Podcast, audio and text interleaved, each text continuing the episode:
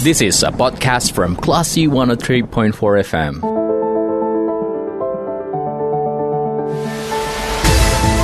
Sesaat lagi Anda akan mencermati Bincang Sehat Semen Padang Hospital.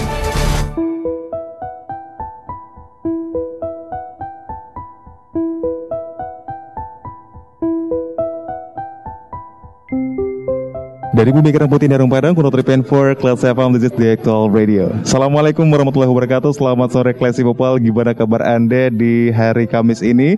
Mudah-mudahan dalam keadaan sehat dan Alhamdulillah uh, kali ini saatnya Anda mencermati program Bincang Sehat bersama Semen Padang Hospital bersama saya Radi Pranata.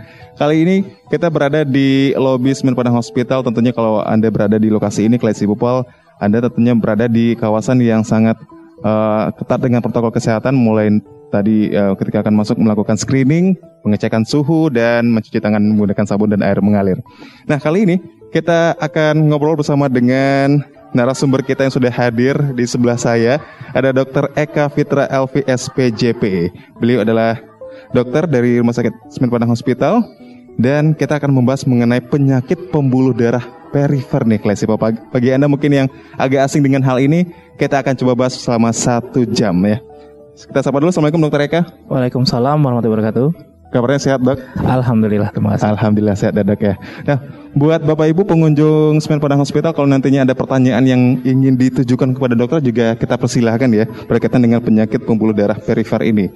Uh, dokter, kalau untuk penyakit pembuluh darah ini kan mungkin kita sering dengar lah ya. Tapi kalau yang perifer, nah ini kayaknya uh, sedikit terdengar asing. Nah mungkin uh, bisa dibantu dulu dokter uh, penyakit pembuluh darah perifer ini adalah penyakit yang seperti apa? Ya, jadi pada intinya semua penyakit yang mengenai pembuluh darah pembuluh darah di daerah hmm. uh, perifer kita. Perifer ini maksudnya terutama adalah daerah kaki, tangan. Hmm. Hmm leher, kemudian uh, organ-organ. Tapi yang kita banyak bahas di sini lebih ke arah ke uh, kaki dan uh, tangan biasanya. Oke, baik. Hmm. Nah, gejala yang biasanya dirasakan oleh orang yang mengalami hal ini apa aja, Dok? Oke, jadi kita ada dua ya sebenarnya. Hmm. Pembuluh darah itu ada dua, pembuluh darah balik sama pembuluh darah yang arteri, arteri hmm. sama vena. Hmm. Nah, kalau untuk pembuluh darah arteri itu adalah darah yang dari jantung ke seluruh tubuh. Okay. Nah itu biasanya gejalanya kalau ada penyakit dasarnya adalah penyempitan biasanya. Mm-hmm. Ada penyumbatan di pembuluh darah, kemudian gejalanya biasanya adalah kalau untuk kaki dan tangan tentu saja biasa gejala utama adalah nyeri biasanya. Nyeri. Nyerinya itu biasanya timbul pada saat dia beraktivitas. Ketika nyeri. beraktivitas ada bukan setelah beraktivitas ya? Ya, jadi nyerinya itu timbul pada saat dia berjalan, mm-hmm. nyeri pada kaki, kemudian terasa panas mungkin mm-hmm. kayak okay. kram terutama di daerah mm-hmm kalau kaki ya biasanya seringnya di daerah betis ya. Hmm. Kemudian nanti pada saat dia istirahat nyerinya hilang. Oh. Kemudian saat dia berjalan oh. lagi nyerinya muncul lagi. Seperti itu. Oke. Okay. Nah dokter, kalau mungkin bisa langsung kita coba bayangkan ini uh, penyakit ini kalau lihat gejalanya hampir-hampir mirip dengan misalnya kalau kita merasakan kayak rematik atau mungkin uh, kram biasa gitu dok.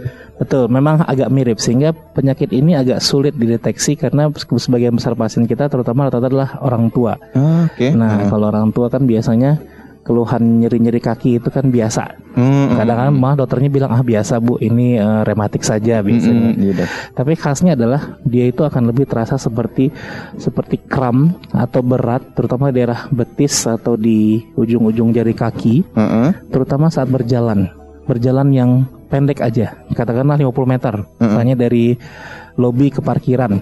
Okay. Nah itu dia harus berhenti karena kaki yang nggak enak. Nah itu satu tanda-tanda utama dari uh, penyakit arteri perifer itu. Oke, okay. berarti kalau kita coba misalnya skalakan memberikan skala terhadap sakitnya nih dok, antara yang penyakit yang lain dengan penyakit pembuluh darah perifer ini mana lebih terasa sakit dok? Biasanya gejala itu sampai pasiennya harus berhenti Oh, berhenti jalannya. Uh, -huh. Nah, itu satu. Kalau rematik biasa kan mungkin kebas-kebas atau kram tapi masih bisa jalan ya. Hmm. Tapi kalau ini biasanya kalau yang sudah terutama sudah agak berat hmm. itu harus berhenti dulu. Hmm, okay. Nah, setelah berhenti nyerinya reda, dia jalan lagi, kemudian nanti setelah dia jalan sekian meter, nyeri lagi, berhenti lagi, seperti hmm. itu terus. Ini adalah cara paling gampang untuk mengenali uh, penyakit pembuluh darah perifer ini ya dok ya? Ya, dengan kita juga bisa menilai dengan katakanlah uh, meraba di jari-jari kaki kita, apakah jari-jari kita tuh selalu terasa dingin. Oh, Oke. Okay. Merabaannya dingin, terutama seringnya akan berbeda antara yang kanan dengan yang kiri. Biasanya seperti itu. Oke dok. Berarti kalau seandainya kelas people ataupun bapak ibu, uh, kalau seandainya dalam beraktivitas kemudian terasa sakit di betis ya, kemudian bisa langsung disentuh gitu ya? Biasanya kita pegang kalau misalkan uh -huh. kan masalahnya kan peredaran darah yang nggak lancar ke kaki. Uh -huh. Nah itu biasanya akibatnya karena darah ke kaki itu berkurang maka kaki itu akan terasa lebih dingin biasanya. Uh. terutama di ujung-ujung jari. Hmm, hmm. Baik, jadi jangan sampai mungkin menganggap remeh juga ya dok yang mungkin Betul karena sekali. selama ini berangkapan ini ya biasa kok biasa kok ingin biasa rematik ya gitu. rematik ya nah mumpung karena sudah kita bahas sedikit nah ini bisa menjadi salah satu edukasi juga buat masyarakat ya dokter nah dokter kalau tadi kan dokter bilang ini salah satu penyebabnya karena penyempitan ya dok ya betul sekali nah ini biasanya faktornya apa saja dok apakah karena kebiasaankah atau karena bisa jadi ini karena turunan dok Ya, penyakit pembuluh darah itu sebenarnya semuanya sama, baik di jantung maupun mm -hmm. di kepala maupun di kaki mm -hmm. itu dasarnya karena ada proses uh, penyempitan karena penumpukan lemak. Okay. Sehingga salah satu faktor yang dianggap berpengaruh terhadap itu adalah pasien-pasien dengan kolesterol yang tinggi. Mm -hmm. Kondisi lain adalah seperti hipertensi, kemudian diabetes juga sering mm -hmm. ditemukan. Nah, kalau untuk penyakit perifer ini yang cukup sering adalah perokok. Oh, Oke okay, dok. Ya. Jadi perokok paling ber, uh, beresiko ya dok? Ya? Paling beresiko untuk mengalami kejadian penyakit arteri perifer ini. Mm -hmm. Oke. Okay. Nah itu yang biasanya sering ditemukan. Uh, faktor turunan juga ada, tapi biasanya yang lebih sering adalah faktor-faktor metabolik sama faktor mm -hmm. kebiasaan seperti yang tadi itu. Oke okay, dokter. Nah kemudian dok, uh, sebenarnya seberapa bahaya sih penyakit pembuluh darah perifer ini? Kalau karena kita kan sempat bahas juga uh, penyakit pembuluh darah itu ada banyak Salah satu di antaranya adalah perifer gitu dok. Ya, jadi uh, ini agak berbeda. Kalau misalnya kita melihat pembuluh darah di jantung, mm -hmm. arteri kornea itu, maka kalau misalnya dia tersumbat, maka gejalanya mulai dari nyeri dada sampai serangan jantung. Iya. Yang terparah adalah meninggal. Mm -hmm. Kalau penyumbatannya di kepala, maka resikonya biasanya stroke. Mm-hmm. Nah, kalau di kaki biasanya pasien hanya mulai merasakan sebagai nyeri, kram ya, tapi lama-lama jika darahnya semakin tidak lancar ke kaki, maka mm-hmm. kakinya itu akan membusuk sehingga lama-lama resiko mm-hmm. paling berat biasanya amputasi. Oke, okay, Itu yang paling parah yang bisa terjadi kepada pasien kita. Oke. Okay. Nah, dokter, tadi kan uh, flashback sedikit dokter tadi dokter bilang bahwasanya ini kan uh, terjadi penyumbatan aliran uh, darah ke kaki. Nah itu bisa penyumbatannya terjadi di, di bagian mananya dok? Bisa di mana saja karena uh, pembuluh darah kaki ini kan panjang ya, hmm. sehingga semua bagian bisa mulai dari daerah paha, paha sampai ke ujung jari itu bisa mengalami penyempitan. Hmm. Tergantung nanti biasanya uh, mana yang apa faktor risikonya. Hmm. Jadi kalau misalnya dia diabetes, dia akan lebih sering mulai ke pembuluh darah kecil-kecil yang di bawah. Jadi bawah-bawah itu bagian uh, betis ke bawah. Betis ke bawah. Oh, Kemudian okay. kalau dia perokok juga sama. Kalau dia ada hmm. hipertensi atau kolesterol, mungkin dia bisa kena pembuluh darah yang besar-besar hmm. yang di daerah paha sampai ke lutut seperti itu.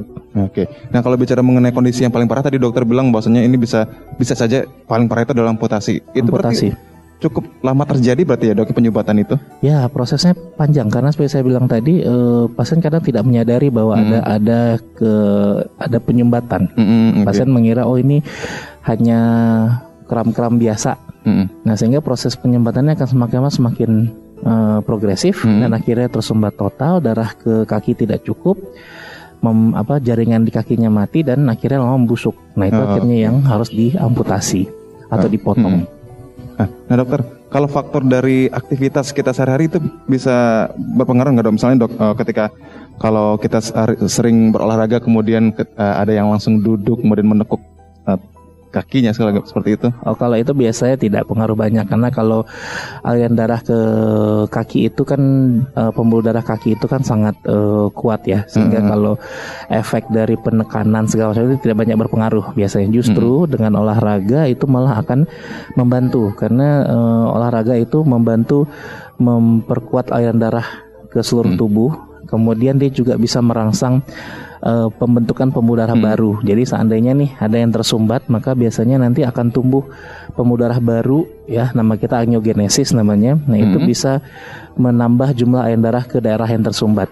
Justru satu uh, penata laksanaan pada pasien-pasien dengan penyakit arteri perifer ini pada fase awal adalah kita suruh olahraga. Oh, okay. suruh jalan. Hmm. Nah, tujuannya itu hmm.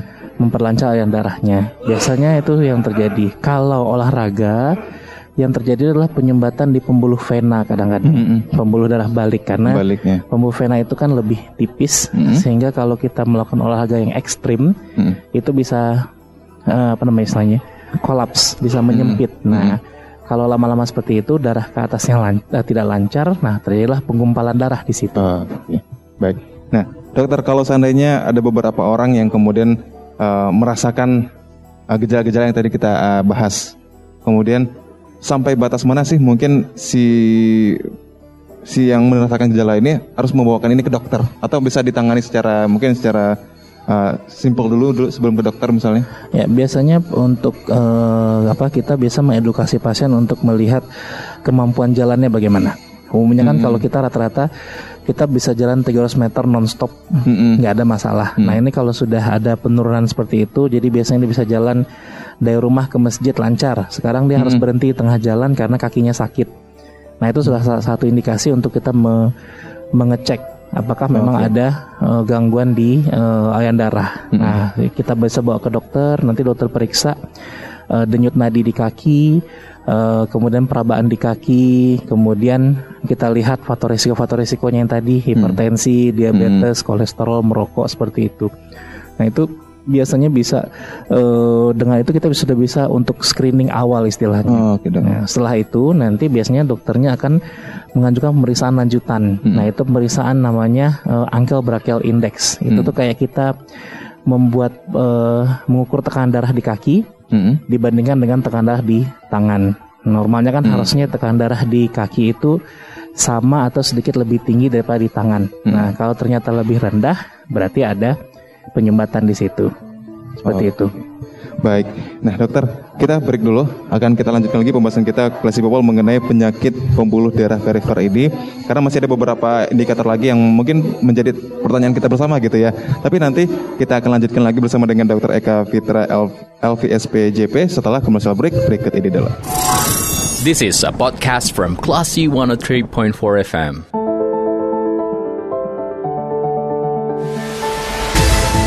Anda mencermati Bincang Sehat Semen Padang Hospital.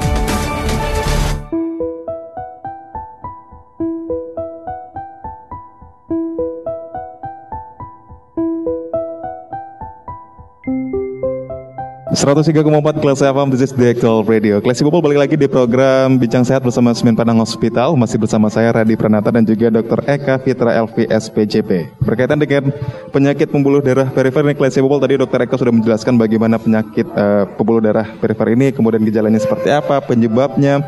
Uh, kali ini mungkin pertanyaannya dokter, apakah penyakit pembuluh darah perifer ini menjadi uh, semacam pemicu dari gejala-gejala ataupun penyumbatan lainnya yang berada di tubuh kita, Dok? Ya, pertanyaan yang bagus ya. Jadi selama ini kita melihat bahwa penyakit arteri perifer ini adalah sebagai uh, kata istilah medisnya prognostik. Prognostik. Prognostik itu artinya kita bisa melihat kalau misalnya sudah ada gangguan pembuluh di kaki, mm -hmm. maka kemungkinan besar sudah ada juga gangguan pembuluh di tempat yang lain. Yang oh, paling okay. berbahaya kan biasanya dari di jantung, jantung atau di kepala. Mm -hmm. Nah, sehingga kalau misalnya sudah ada terdeteksi kelainan di pembuluh darah kaki, maka biasanya pasiennya harus di screening untuk hmm. melihat apakah ada penyumbatan di jantung dan di kepala.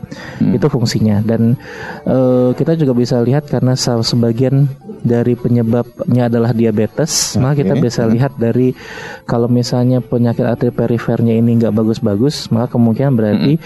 mungkin uh, diabetesnya masih belum terkendali. Nah, hmm. itu juga menjadi salah satu parameter kita. Kalau misalnya kontrol gula darahnya bagus, maka hmm. biasanya penyakit arteri perifernya akan uh, tidak semakin parah. Nah, itu uh, salah satu uh, apa namanya? Uh, penanda yang kita pakai hmm. dalam melihat si penyakit arteri perifer ini. Oke. Nah, dokter setelah dilak uh, dilakukan tadi diagnosis gitu ya, Dok, ya terhadap penyakit ini, kemudian biasanya hal-hal yang uh, dianjurkan oleh dokter kepada pasien yang mengalami hal seperti ini apa saja, Dok? Jadi kalau misalnya kita sudah temukan screening dengan yang pengukuran tekanan darah kaki tadi, uh -huh. biasa kita harus lihat anatominya. Nah, uh -huh. itu salah satu caranya yang paling simpel adalah dengan USG. Uh -huh. USG Doppler namanya. Jadi kita uh -huh. dengan USG kan dia tidak uh, non tidak invasif ya. Uh -huh. Jadi hanya taruh prop kita bisa lihat aliran darah ke kakinya bagian uh -huh. mana yang tersumbat. Hmm. Setelah itu kalau untuk memastikan diagnostiknya kita bisa lakukan pemeriksaan seperti CT scan, hmm. pembuluh darah kaki atau hmm. uh, kateterisasi kalau yang invasifnya. Nah, kalau sudah ada penyempitan seperti itu biasanya yang kita lakukan adalah yang pertama kita kendalikan faktor risiko yang tadi, yeah, yang uh, diabetes, hipertensi, uh, kolesterol. Kita minta pasien untuk berhenti merokok. Mm, okay. Kita berikan obat-obatan sesuai dengan faktor risikonya tadi. Mm kita bisa berikan obat-obat untuk melancarkan aliran darah ke kaki, mm -hmm. ya, golongan pengencer darah misalnya.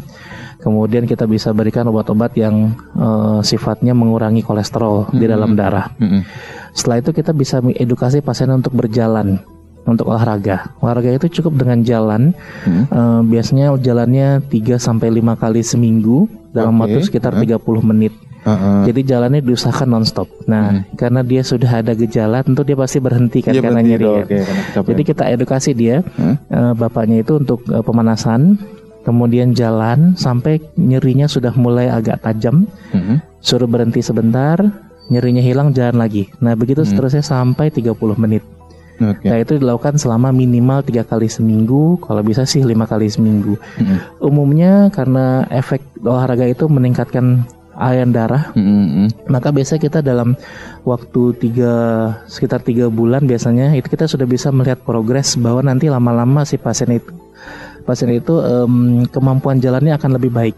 Mm-hmm. Jadi yang awalnya 50 meter sudah nyeri, sekarang mungkin bisa jalan sampai 200 meter. 200 meter ya. Seperti itu. Nah, kalau sudah ada improvement seperti itu, kita teruskan saja uh, edukasi untuk exercise-nya seperti itu. Nah, itu untuk uh, tahap awalnya. Nah, jadi kalau misalnya itu membantu ya sudah pasiennya kita jual untuk exercise dan menjaga pola makan serta menjaga faktor resiko seperti hmm. itu. Oke, okay. berarti berapa lama mungkin dok dari misalnya si pasien ini merasa uh, pertama kali uh, datang ke dokter gitu ya, kemudian bisa merasakan uh, efektivitas dari exercise ini berapa lama bisa? Biasanya uh, kalau untuk exercise dia sudah mulai merasakan dalam waktu enam minggu, tapi biasanya uh -huh. yang akan lebih uh, optimal itu setelah tiga bulan biasanya. Okay. Kita bisa lihat uh, apa namanya uh, perbaikan dari exercise, mm -hmm. biasa gitu. Nah kalau itu membantu maka kita teruskan dengan exercise. Nah, kalau tidak membantu, maka berarti kita harus lakukan tindakan yang lebih invasif. Uh, apa tuh dok kalau yang invasif ini? Uh, kita lakukan tindakan kateterisasi. Mm -hmm. Kita lihat seberapa berat penyumbatannya dan jika perlu kita uh, buka penyumbatannya. Jadi namanya tindakannya adalah uh, intervensi perkutan. Mm-hmm. Jadi kita lakukan pemasangan uh, wire, mm-hmm. kita besarkan dengan balon kakinya mm-hmm. dan jika perlu kita pasang uh, ring atau stand di pembuluh darah kaki tersebut. Hampir sama seperti kita mengerjakan di jantung. Oke, okay. itu uh, akan dilakukan apabila yang tahap pertama tadi itu gagal atau atau bagaimana dok? Jadi kalau misalnya pada tahap pertama itu tidak ada perubahan yang tidak signifikan, perubahan artinya ya. pasiennya sudah tiga bulan lebih masih nyeri juga, jalan 50 hmm. meter masih nyeri. Nah itu sudah indikasi. Atau malah ada perburukan, jadi kakinya lebih dingin, hmm. kemudian um, kakinya itu sudah mulai um, apa namanya ya, warnanya sudah mulai pucat atau pucat. kebiruan. Nah itu okay. artinya pembuluh darahnya nggak bagus atau sudah mulai tampak ada luka luka hmm. yang uh, tidak sembuh ya. Nah, itu hmm. sudah satu indikasi untuk kita lakukan tindakan yang sifatnya invasif. Hmm. Karena artinya pembuluh darahnya nggak cukup bagus, hmm. aliran darahnya nggak bagus sehingga akibatnya kalau ada luka sedikit saja tidak cukup darah yang yeah. mengandung uh, sistem pertahanan tubuh ya, uh. sel-sel untuk daya tahan tubuh nggak cukup ke bawah, oksigennya nggak cukup ke bawah, nutrisinya nggak cukup ke bawah sehingga pembuluh darah apa kaki yang luka itu nggak sembuh sembuh. Nah itu sudah indikasi kita untuk diperbaiki aliran darahnya. Hmm, Oke. Okay. Nah dokter kalau untuk faktor risiko tadi dok, uh, biasanya yang mengalami risiko-risiko seperti ini rentang usianya ada nggak dok? Umumnya lebih tua karena umumnya. memang pembuluh darah kita kan lebih kaku begitu usia hmm. kita lebih tua ya. Hmm. Kebanyakan dari secara statistik yang mengalami gangguan ini adalah pasien-pasien yang berusia 60 tahun ke atas. 60 tahun ke atas. Namun pada pasien-pasien dengan populasi yang muda, terutama yang mengalami diabetes atau yang perokok berat itu juga hmm. bisa uh, apa menderita penyakit ini hmm. dan pada usia yang lebih muda, hmm. katakanlah okay. 50-an biasanya seperti itu secara yeah. statistik. Tapi okay. memang umumnya lebih tua. Tapi kalau seandainya bagi misalnya uh, yang masih muda itu pola pola hidupnya nggak sehat misalnya dok berisiko juga kah untuk mengalami ya, hal itu? Kalau pola hidup nggak sehat sih semua semua, semua pasti berisiko. Semuanya berisiko ya dok ya. Penyumbatan bisa di mana-mana. Iya. pembuluh darah kita itu kan paling panjang. Hmm. Itu lebih panjang daripada uh, keliling apa hmm. namanya uh, sekian ratus kilometer tuh pembuluh darah kita. Hmm, iya. Jadi di mana saja bisa penyempitan. Jadi intinya emang sebelum ada penyakit kita harus kontrol faktor resikonya. Oke, tapi kalau untuk uh, gender nih dok, apakah juga ikut berpengaruh? Uh, secara statistik ada, memang sebagian besar pasien kita itu lebih banyak yang wanita daripada hmm. laki-laki hmm. uh, secara gender. Uh, penyebabnya kita nggak bisa pastikan, tapi uh, karena juga yang diabetes kan lebih banyak perempuan biasanya. Hmm. Nah itu biasanya berhubungan seperti itu. Baik. Nah kalau untuk bagi pasien-pasien yang sudah datang ke dokter misalnya ataupun yang sudah dokter selama ini tangani, biasanya uh, kebiasaan seperti apa yang membuat kondisi si pasien ini mungkin jadi semakin parah dok? Ya biasanya kalau dia tidak bisa menjaga uh, pola hidupnya ya, misalnya dia ada okay. diabetes, dia ada mm -hmm. hipertensi, tapi pola makan nggak terkendali, kemudian obat-obatannya tidak terkontrol atau dia tidak berhenti merokok, nah itu mm -hmm. bisa pengaruh. Kemudian karena salah satu cat masalahnya adalah dengan olahraga ya. Mm-hmm. Nah, yeah. karena ada juga kan orang ini kan ada yang mungkin bukan malas ya, tapi merasa tidak sempat. Mm-hmm. Misalnya orang kantoran, yeah. dia banyak nah, duduk, nah, iya, nah gitu. Padahal sebenarnya sih bisa aja dicari waktunya. Itu hanya setengah jam kan. Mm-hmm. Nah, tapi banyak yang merasa seperti itu sehingga seperti saya bilang tadi kalau kakinya nggak dipakai untuk jalan ya pembuluh darahnya tidak akan perbaikan. Mm-hmm. Sementara kita membutuhkan jalan itu untuk merangsang pembentukan pembuluh darah baru. Nah akibatnya lama-lama tidak semakin baik ya ada semakin lama semakin sempit dan akhirnya darah ke kakinya itu nggak cukup. Hmm. Nah itulah tadi saya bilang mulai ada luka infeksi, hmm. mulai jaringannya mulai membusuk, mati sehingga hmm. akhirnya yang yang apa udah hitam-hitam hmm. kakinya seperti itu. Nah kalau sudah seperti itu biasanya kita nggak punya pilihan. Kalau sudah sampai menghitam itu pilihan amputasi. Hmm. Itu udah yang terakhir biasanya itu hmm. seperti itu. Oke okay, baik. Dokter, ini kan kita juga sedang melaksanakan ibadah puasa gitu ya dok ya. Nah bagi pasien-pasien uh, yang mengalami penyakit pembuluh darah perifer ini apakah ada hal-hal khusus juga yang mungkin menjadi catatan dokter atau rekomendasi dokter kepada pasien begitu? Ya, sama dengan semua penyakit pembuluh darah ya termasuk dengan di jantung maupun di apa namanya di kepala ya. Mm -hmm. Karena dasar penyakitnya adalah kan uh, karena perlemakan. Mm -hmm. Jadi tentu saja pola makan yang tinggi lemak itu harus kita kendalikan. Okay. Kemudian uh uh, obat-obatan harus tetap dikonsumsi secara teratur. Mm -hmm. Kemudian uh, kalau kita berbuka puasa atau sahur tentu kadang-kadang kita suka uh, kalap ya. Iya bener dok. Apalagi kalau gorengan dan yang yang dingin manis pakai es. Ya. Gorengan, manis, es. Nah itu tuh juga itu harus kita kendalikan. Okay. Dan apa namanya dan terus saya kadang-kadang satu masalahnya puasa ini kita kan cenderung merasa tidak uh, tidak sanggup untuk berolahraga. Nah, iya. panas, iya. haus satu juga itu. Nah, itu tuh yang sedapat mungkin kalau bisa harus di apa namanya? harus diubah pola pikirnya. Jadi mm-hmm. jangan jangan sampai puasa bikin dia tidak beraktivitas. Mm-hmm. Jadi tetaplah berolahraga. Kalau misalnya susah mungkin pagi jalan. Kita kan tidak tidak menyuruh untuk lari. Mm-hmm. Kita mm-hmm. hanya menyuruh untuk jalan. Nah, itu setengah jam saya rasa udah cukup. Atau misalnya mungkin dengan cara memilih masjid yang nggak jauh gitu ya dok ya. Jadi bisa, bisa sekalian jalannya juga cukup jauh. Bisa, gitu. tapi kalau terlalu jauh juga nggak keburu oh, kadang-kadang. Oh, iya, iya. kan di kakinya sakit kan. iya, coy. Benar juga sih ya dok. Oke, dokter, masih ada beberapa pertanyaan lagi yang ingin saya tanyakan, tapi uh, kita break kembali, dokter dan Klesi Popal. Uh, obrolan kita bersama dengan Dr. Eka Fitra LVS PJP berkaitan dengan penyakit pembuluh darah perifer akan kita lanjutkan lagi setelah yang satu ini dulu. This is a podcast from Classy 103.4 FM.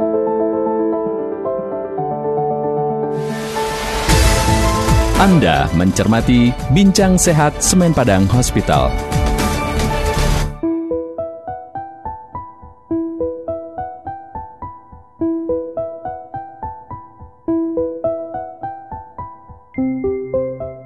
103,4 Kelas FM This is the actual radio Kelas People kita sudah di sesi terakhir Di program Bincang Sehat bersama Semen Padang Hospital Nah berkaitan dengan tema kita Penyakit pembuluh darah perifer Ini masih bersama dengan narasumber kita Dr. Eka Fitra LV SPJP Uh, di sesi ketiga ini dokter kita mungkin pengen bahas secara lebih detail mengenai proses pengobatan. Kalau tadi dokter juga sudah sempat singgung sedikit.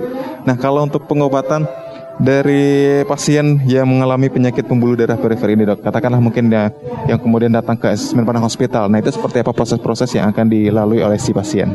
Ya jadi biasanya pasien-pasien ini kan um, datang itu dengan keluhan ya. Mm-hmm. Nah, biasanya kadang-kadang uh, ada yang datang sendiri atau sudah dapat rujukan ya. Okay. Nah, kalau misalnya itu kita biasanya kita mulai dengan pemeriksaan rutin saja. Mm-hmm. Uh, kita periksa kakinya, kita periksa um, apa denyut kakinya. Mm-hmm. Nah, kemudian kita bisa periksa te- tekanan darah di kakinya. kalau memang sudah ada uh, tanda-tanda uh, penurunan air darah ke kaki hmm. yang ditandai dengan penurunan denyut nadi sama apa kaki dingin -hmm. atau tekan darahnya lebih rendah maka biasa kita anjurkan untuk uh, USG tadi. USG dulu. Okay, itu okay. USG. Kemudian setelah USG kita bisa lihat uh, kakinya apa uh, air darahnya. -hmm. Kita bisa lihat setinggi apa penyempitannya, kemudian kita bisa lihat seperti apa air darahnya. Dan kita kembalikan lagi ke keluhannya hmm. apa keluhannya itu memang hanya nyeri saja atau sudah mulai ada tanda-tanda luka misalnya luka hmm. atau infeksi atau yang sudah mulai uh, apa kakinya sudah mulai membusuk misalnya. Membusuk, ya. Kalau misalnya masih hanya nyeri, biasanya kita akan mulai dengan satu tadi saya bilang tadi, hmm. kita lihat foto resikonya, hmm. kita lihat apakah tekanan darahnya terkontrol, apakah hmm. gulanya stabil, apakah kolesterolnya dalam batas normal. Kita edukasi pasiennya untuk berhenti merokok. Hmm Kemudian kita bisa berikan obat-obatan. Biasa obat yang kita berikan itu adalah obat kolesterol, mm-hmm. kemudian obat-obat untuk tekanan darah lah ya. Kalau kemudian kita bisa konsultasi ke bagian uh, penyakit dalam untuk uh, gulanya. Mm-hmm. Kemudian kita bisa berikan obat untuk pengencer darah, golongan anti platelet lah istilahnya. Mm-hmm. Nah itu tujuannya untuk melancarkan darah. Kemudian kita uh, encourage pasiennya untuk beraktivitas yang berjalan tadi. Yeah. Biasanya itu kita kasih 3 sampai 5 kali dalam seminggu, kemudian uh, 30 menit. Mm -hmm. Waktunya sih bebas, terserah mm -hmm. pasiennya aja. Nah, kemudian kita evaluasi dalam katakanlah dua minggu sampai satu bulan. Hmm. Kita lihat bagaimana rasanya, apakah sudah membaik atau bagaimana. Pasiennya bisa pasiennya bisa merasakan kalau misalnya ada perbaikan. Tapi kalau pasiennya memang uh, apa namanya bisa untuk jalan, dia akan hmm. merasakan, oh biasanya saya jalan cuma yeah. dari sini ke simpang misalnya. simpang sudah sakit sekarang saya sudah bisa ke warung nah iya. itu tandanya sudah ada improvement kalau sudah ada improvement seperti itu kita teruskan proses okay. perjalannya sambil uh -huh. kita tetap perhatikan apakah di kakinya uh, apa namanya uh, tidak tambah dingin tidak tambah biru misalnya uh -huh. atau tidak ada luka-luka seperti itu kalau sudah uh, kalau dengan tiga bulan pasiennya sudah enakan ya kita teruskan pengobatan dan kita uh, apa namanya encourage lagi untuk terus hmm. berjalan. Hmm. Nah itu tata laksana yang uh, non non intervensi lah istilahnya. Hmm. hmm. Nah dengan dengan medikamentosa, dengan pengobatan saja, dengan edukasi itu cukup. Sambil dia kontrol, biasanya kita kasih kontrol bulanan, tapi hmm. dan tetap kita edukasi, hmm. kita edukasi untuk uh, diingatkan karena pasien kan kalau sudah agak enak suka lupa. Iya dong. Nah itu sering uh. kita edukasi tiap kontrol, kita lihat obatnya, kita cek apakah gulanya bagus, kolesterolnya uh. bagus, tensinya bagus. Nah itu kalau yang dengan uh, pengobatan bisa bagus, kita teruskan. Uh. Nah yang tidak bisa bagus, nah itu yang kita lihat uh, ternyata masih nyeri sudah hmm, tiga iya bulan masih nyeri juga kemudian kakinya sudah apa mungkin tambah dingin hmm. misalnya ya tambah pucat atau, atau biru atau sudah mulai luka. Nah, kalau seperti itu kita sudah anjurkan untuk tindakan yang invasif saya bilang tadi. Hmm. Di di apa namanya? di Sumatera Barat uh, rumah rumah sakit yang bisa ke, apa bisa melakukan tindakan kateterisasi seperti hmm. di uh, Semen Patang Hospital kita bisa melakukan tindakan um, apa intervensi perkutan hmm. untuk me, apa memperbaiki air darah di kaki tersebut. Jadi intinya kita pasang apa kateter infus di paha kemudian kita lihat air darah ke kakinya. Nah dari sana kita bisa lihat apakah penyumbatannya itu bisa kita perbaiki. Biasanya kita perbaiki itu dengan melebarkan pembuluh itu dengan balon. Hmm. Biasanya sih lebih sering kita hanya memakai balon saja. Hmm. Nah kalau misalnya di pembuluh besar, mungkin kita perlu bisa pasang uh, apa namanya pasang ring istilahnya atau pasang stem. Tujuannya adalah memperbaiki, membesarkan pembuluh yang tersumbat sehingga air darahnya balik normal lagi ke kaki sehingga kaki yang luka itu bisa sembuh mm-hmm. lebih mudah sembuhnya kemudian kalau misalnya lukanya besar kita konsultasikan ke bagian bedah biasanya mm-hmm. untuk membantu penyembuhan lukanya mm-hmm. kalau kita punya apa namanya uh, spesialis penyakit dalam yang urusan infeksi mm-hmm. nah kita bisa konsultasi juga jadi ini bukan kerjaan sendiri kita harus kolaborasi dengan berbagai uh, apa berbagai uh, bidang ya. Hmm. penyakit dalam bedah ya. Kemudian rehabilitasi juga. Hmm. karena untuk melatih cara berjalannya seperti itu. Baik. Nah tapi dokter uh, kapan pasien ini bisa dikatakan sembuh total dok? Apakah ketika sudah benar-benar tidak merasakan uh, nyeri sama sekali atau bagaimana? Ya, jadi kalau definisi penyakit ini kan penyakit kronik, hmm. jadi definisinya biasanya terkontrol, bukan yang sembuh total begitu. Okay. Terkontrolnya artinya dia bisa jalan uh, dengan katakanlah 300 meter biasa kita pakai patokan 300 meter tanpa nyeri hmm. itu parameternya kemudian tidak ada luka tidak hmm. ada uh, jaringan kaki yang membusuk. Nah itu hmm. kita nyatakan pasiennya sudah uh, apa namanya terkontrol. Terkontrol ya. Namun yang namanya penyakit kronik dia bisa uh, balik lagi. Balik lagi nah, begitu pasiennya sudah mulai tidak waspada terhadap uh, pola hidupnya, hmm. maka bisa terjadi penyumbatan lagi. Oke, berarti baliknya ini karena mungkin tidak lagi melakukan salah jalan yang tadi dok ya? Ya, tidak mengontrol uh, ke apa pola hidupnya. Pola Kemudian hidupnya. mungkin gulanya naik lagi, hmm. tensinya naik lagi, mulai merokok lagi. Nah itu faktor-faktor yang bisa menimbulkan uh, penyakitnya itu kambuh lagi. Artinya hmm. sudah mulai ada penyempitan lagi.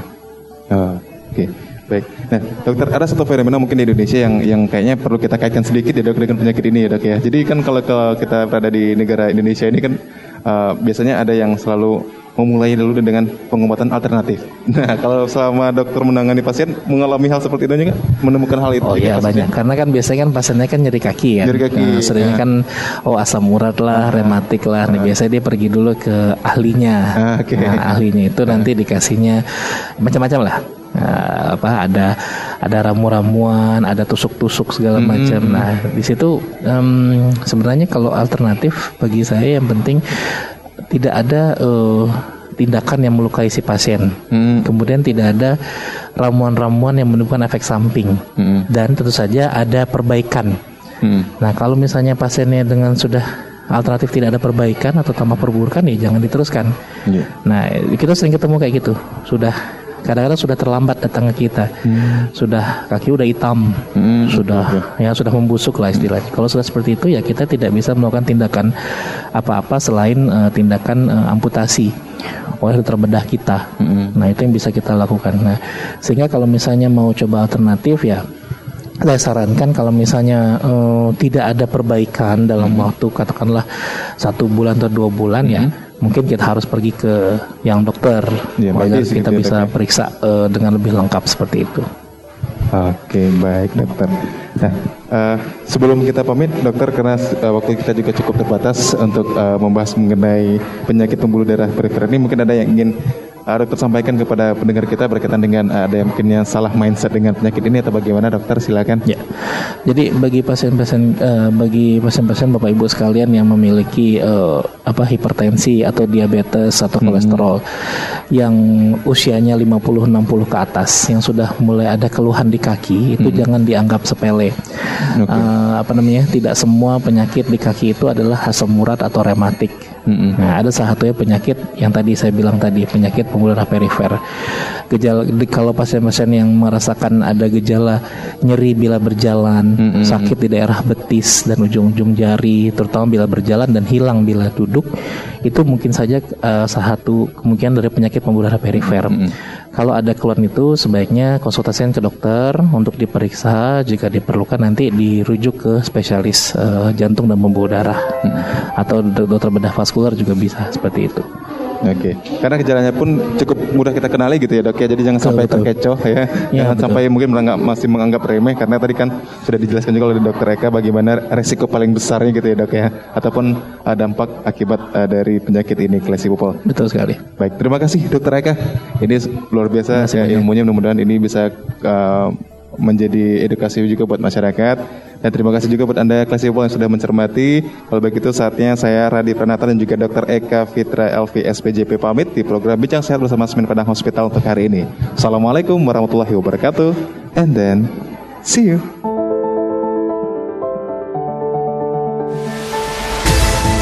Terima kasih Anda telah mencermati Bincang Sehat Semen Padang Hospital. This is a podcast from Classy 103.4 FM.